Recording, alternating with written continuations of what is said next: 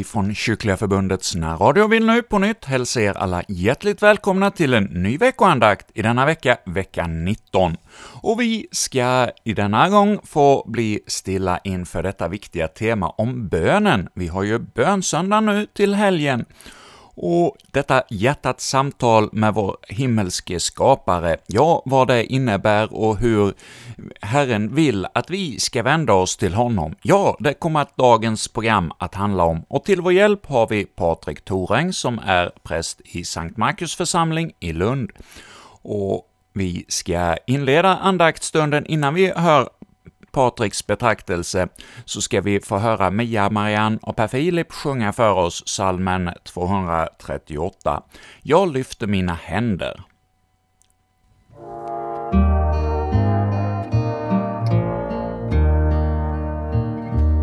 Nåd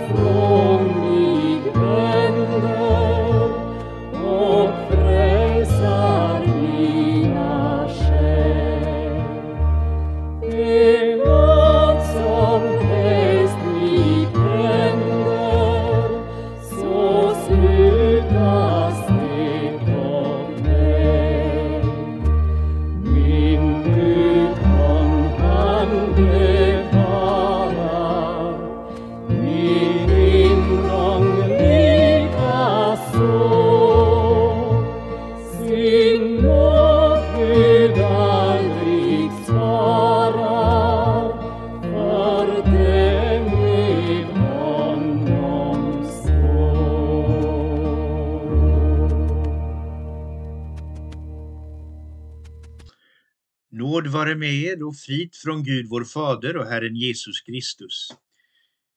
I Faderns, Sonens och den helige Andes namn ber vi, Herre, heliggör oss med ditt ord, för ditt ord är sanning. I Matteusevangeliet kapitel 6, verserna 5–8 läser vi När ni ber ska ni inte vara som hycklarna, som älskar att stå och be i synagogorna och i gathörnen för att synas inför människor. Jag säger er sanningen, de har fått ut sin lön. Nej, när du ber, gå då in i din kammare och stäng din dörr och be till din far som är i det fördolda.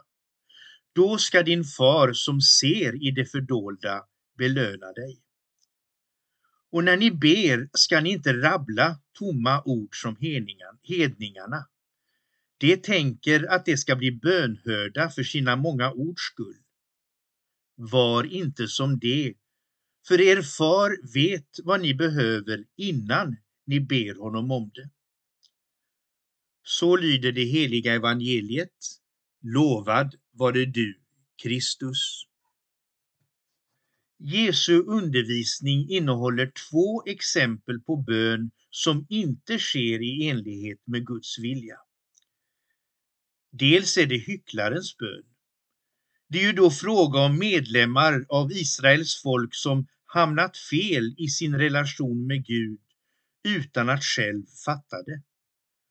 Så handlar det också om hedningen, en man eller kvinna som inte alls känner Bibelns Gud.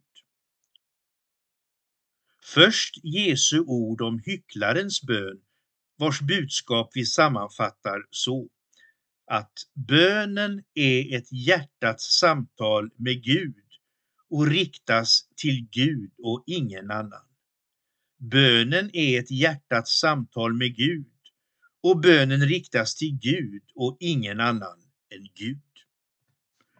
Hycklaren är här en ivrig bedjare som är glad över att befinna sig på platser där man sågs av många vid tidpunkten för de dagliga tidebönerna, då denne fick tillfälle att be så att andra människor såg att de bad. Så beter sig hycklaren kanske inte främst för att visa upp sig, för att medvetet skryta med sin fromhet, utan för att få vara föredöme för människor. Hycklaren, kanske en farisé, vill att så många som möjligt tar efter hans exempel. Hur som helst blir det så att bönen här kommer att handla om att framstå som from inför andra. Och den som beter sig så känner sig from då på grund av sin bön inför många. Man är glad över att anses som from av andra människor.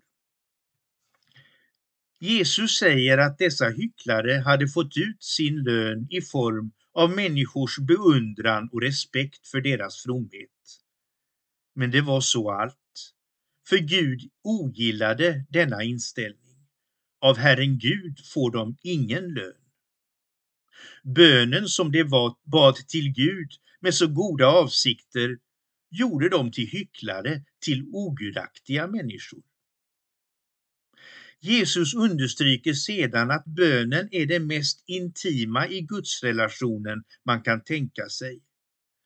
Han berättar om en bedjare som går in i en kammare.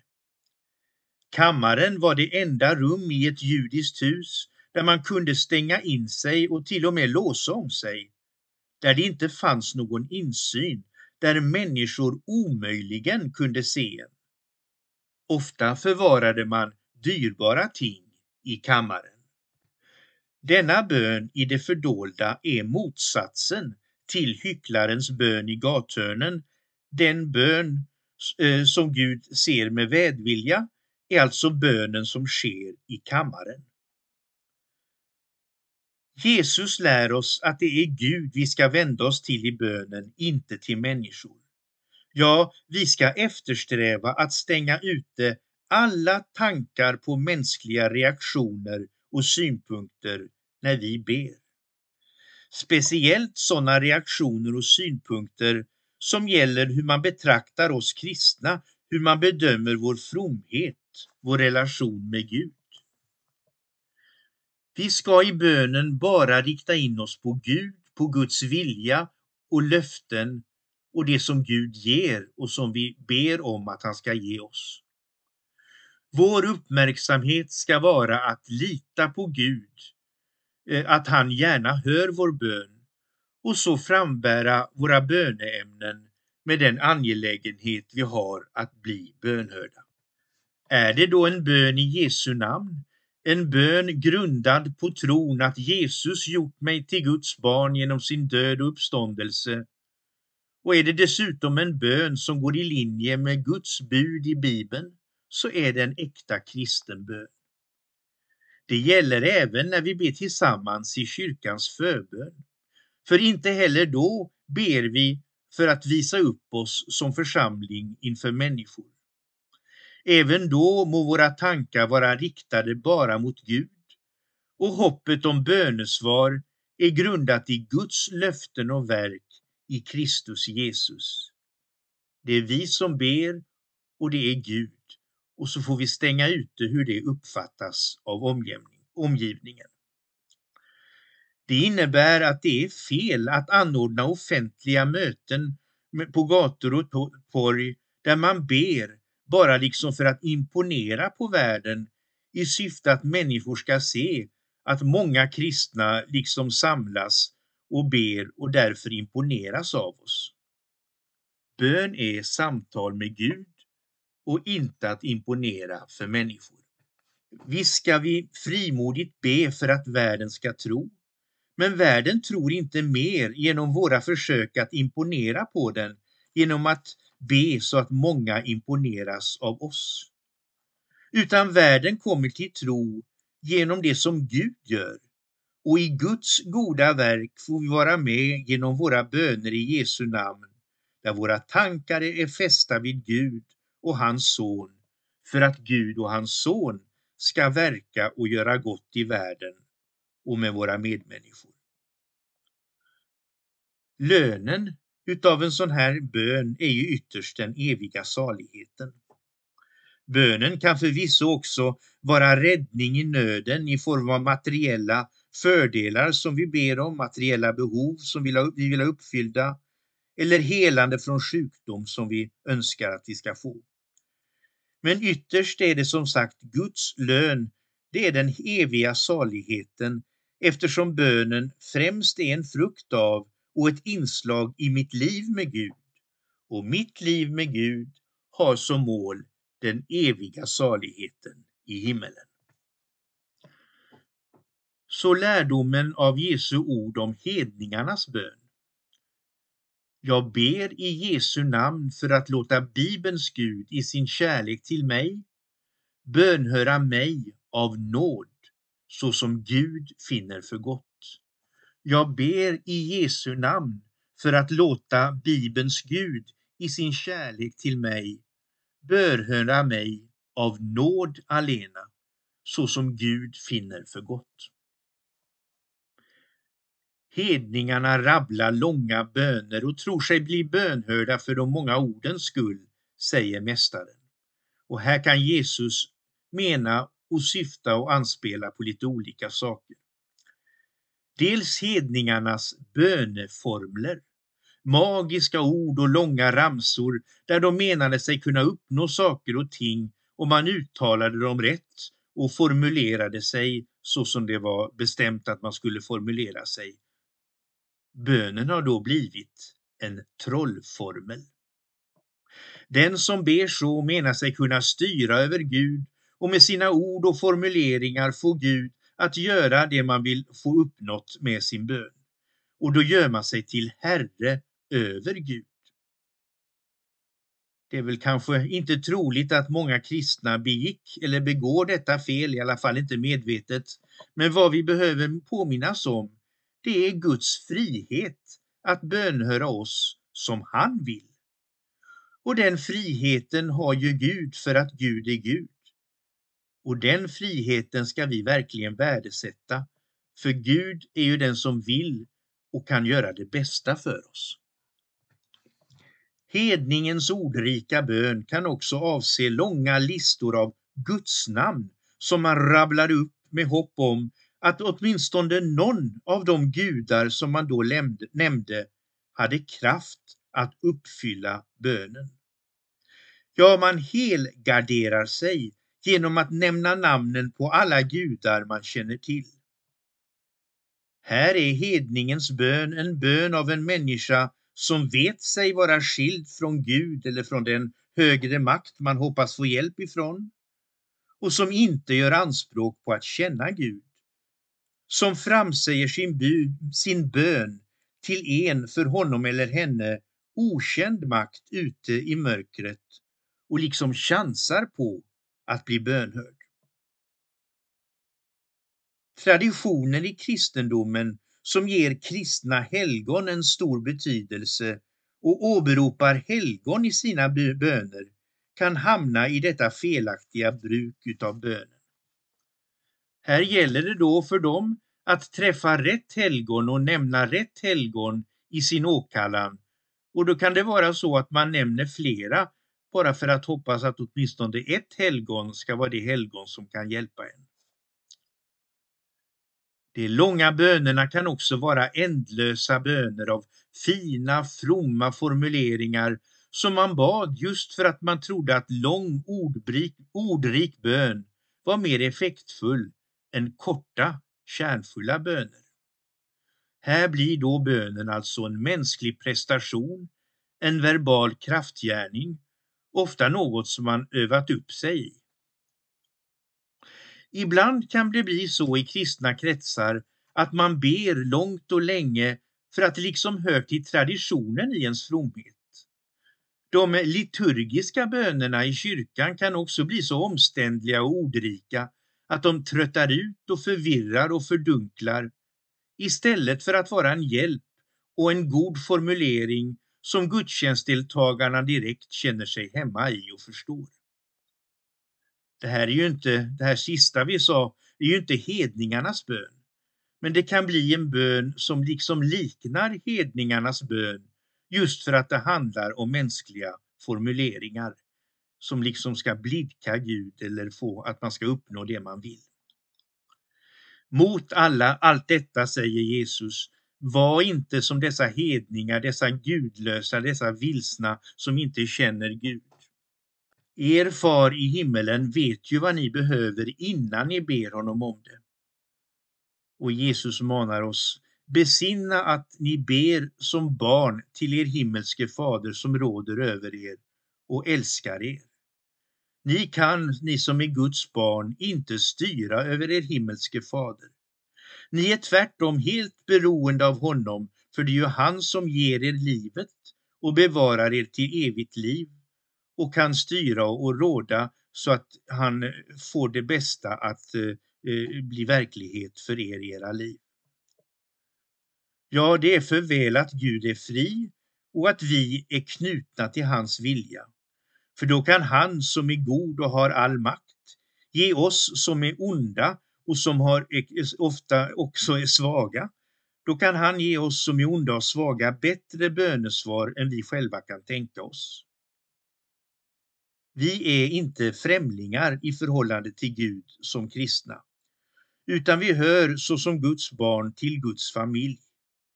Vi känner vår himmelske fader och vi känner namnet Jesus som skänker oss denna gemenskap med Gud, som ger oss rätt att kalla oss Guds barn. Vi behöver inte förtjäna Guds välvilja genom ansträngningar för att be långa och fromma böner, utan Gud ger oss allt gott som vi behöver av nåd alena. För Gud fader i himmelen känner sina barns behov helt och fullt. Han är inte en jordisk far som är ofullkomlig och ofta vilsen och inte vet så mycket kanske, utan han är den himmelske, allvetande, allgode och allsmäktige Fadern. Han vet vårt förflutna. Han känner exakt våra behov i denna stund och han känner också till och vet vår framtid in till i minsta detalj.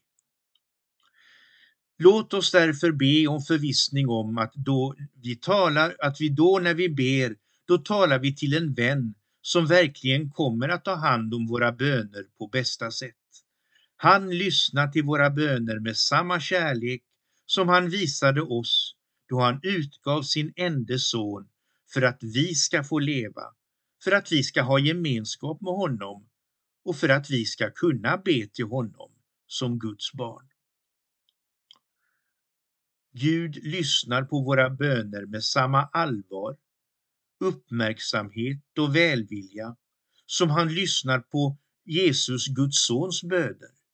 Därför att genom tron på Jesus så ber vi i och av Jesu ande, vi omsluts av hans rättfärdighet och vi kan vara lika säkra på att bli bönhörda av den himmelske Fadern som Jesus, Guds son, är helt förvissad om att han är hörd av sin himmelske Fader.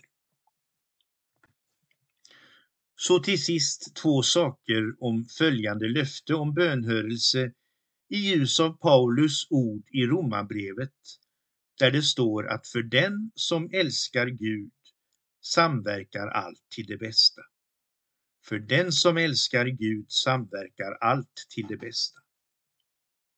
Denna sanning innebär bland annat att våra böner, att Gud ska hjälpa oss med vardagliga ting, alla de bönerna om olika enskildheter i livet är förbundna med Guds stora löfte att ge oss den eviga saligheten. För alla små saker som sker i livet har ju betydelse också för de stora händelserna i livet och för de viktiga besluten vi tar i tillvaron. Vi vet ju att ett avgörande livsval som jag träffat ofta till stor del bestäms av enskildheter och små saker och enskilda händelser. Som till exempel att jag råkade vara på en viss plats då och då. Att jag inför det valet hade talat med en vän som sagt det eller detta eller att jag läst något bestämt i Guds ord. Allt hör ihop med det stora målet som Gud har för oss, att få föra oss ända in i den eviga saligheten. Därför är inga böner, även om sådana saker vi tycker små, ja, inga böner är därför ovidkommande för Guds plan att ge oss det eviga livet. Låt oss därför be frimodigt om att alla bekymmer som vi har på hjärtat för Gud Eh, de ska vi lägga fram inför honom. För han vet att i sitt bönesvar inordna alla detaljer i vårt liv i det verk han har eh, bestämt för oss för att få föra oss till himmelen. För det andra, hur vet vi då att, Gud, att vi älskar Gud? Hur vet vi att vi älskar Gud? Gud tar hand om dem som älskar honom, säger Paulus, och för dem samverkar allt till det bästa. Och då är det ju så att kristen bön är framsprungen av vårt hjärtas kärlek till Gud. Hur kan det då vara så? Jo, genom vår tro på Jesus så förbinds vi alltså med Guds son som älskar sin fader av allt Ja, han älskar honom helt och fullt. Och genom tron på Jesus får vi alltså ta del av denna fullkomliga kärlek som sonen har till Fadern i himmelen. Vi får del av Jesu fullkomliga innerliga relation med Gud i himmelen. Han som i sin oändliga godhet och sin oändliga kraft och sin oändliga uppmärksamhet och i sitt ständiga handlande för sina barn hör våra böner. Därför kan man säga att den mest grundläggande och viktiga bönen är en bön att få växa i tron på Jesus Kristus, min frälsare. För i tron på Jesus så växer jag också samman med Gud själv. Han, vår frälsare, som är också alla goda gåvors givare han som ensam har makten och viljan att ge oss det vi ber om honom om i Jesu namn. Amen. Ära vare Fadern och Sonen och den helige Ande, så som det var av begynnelsen, nu är och skall vara, från evighet till evighet. Amen. Vi säger nu tack till Patrik Thoräng som har lett Kyrkliga Förbundets veckoandakt här i radion denna vecka. Och vi fortsätter nu vår andaktsstund med att tillsammans med Göran Stenlund och Ibrakören sjunga salmen 211. Jesus kär, gå ej förbi mig.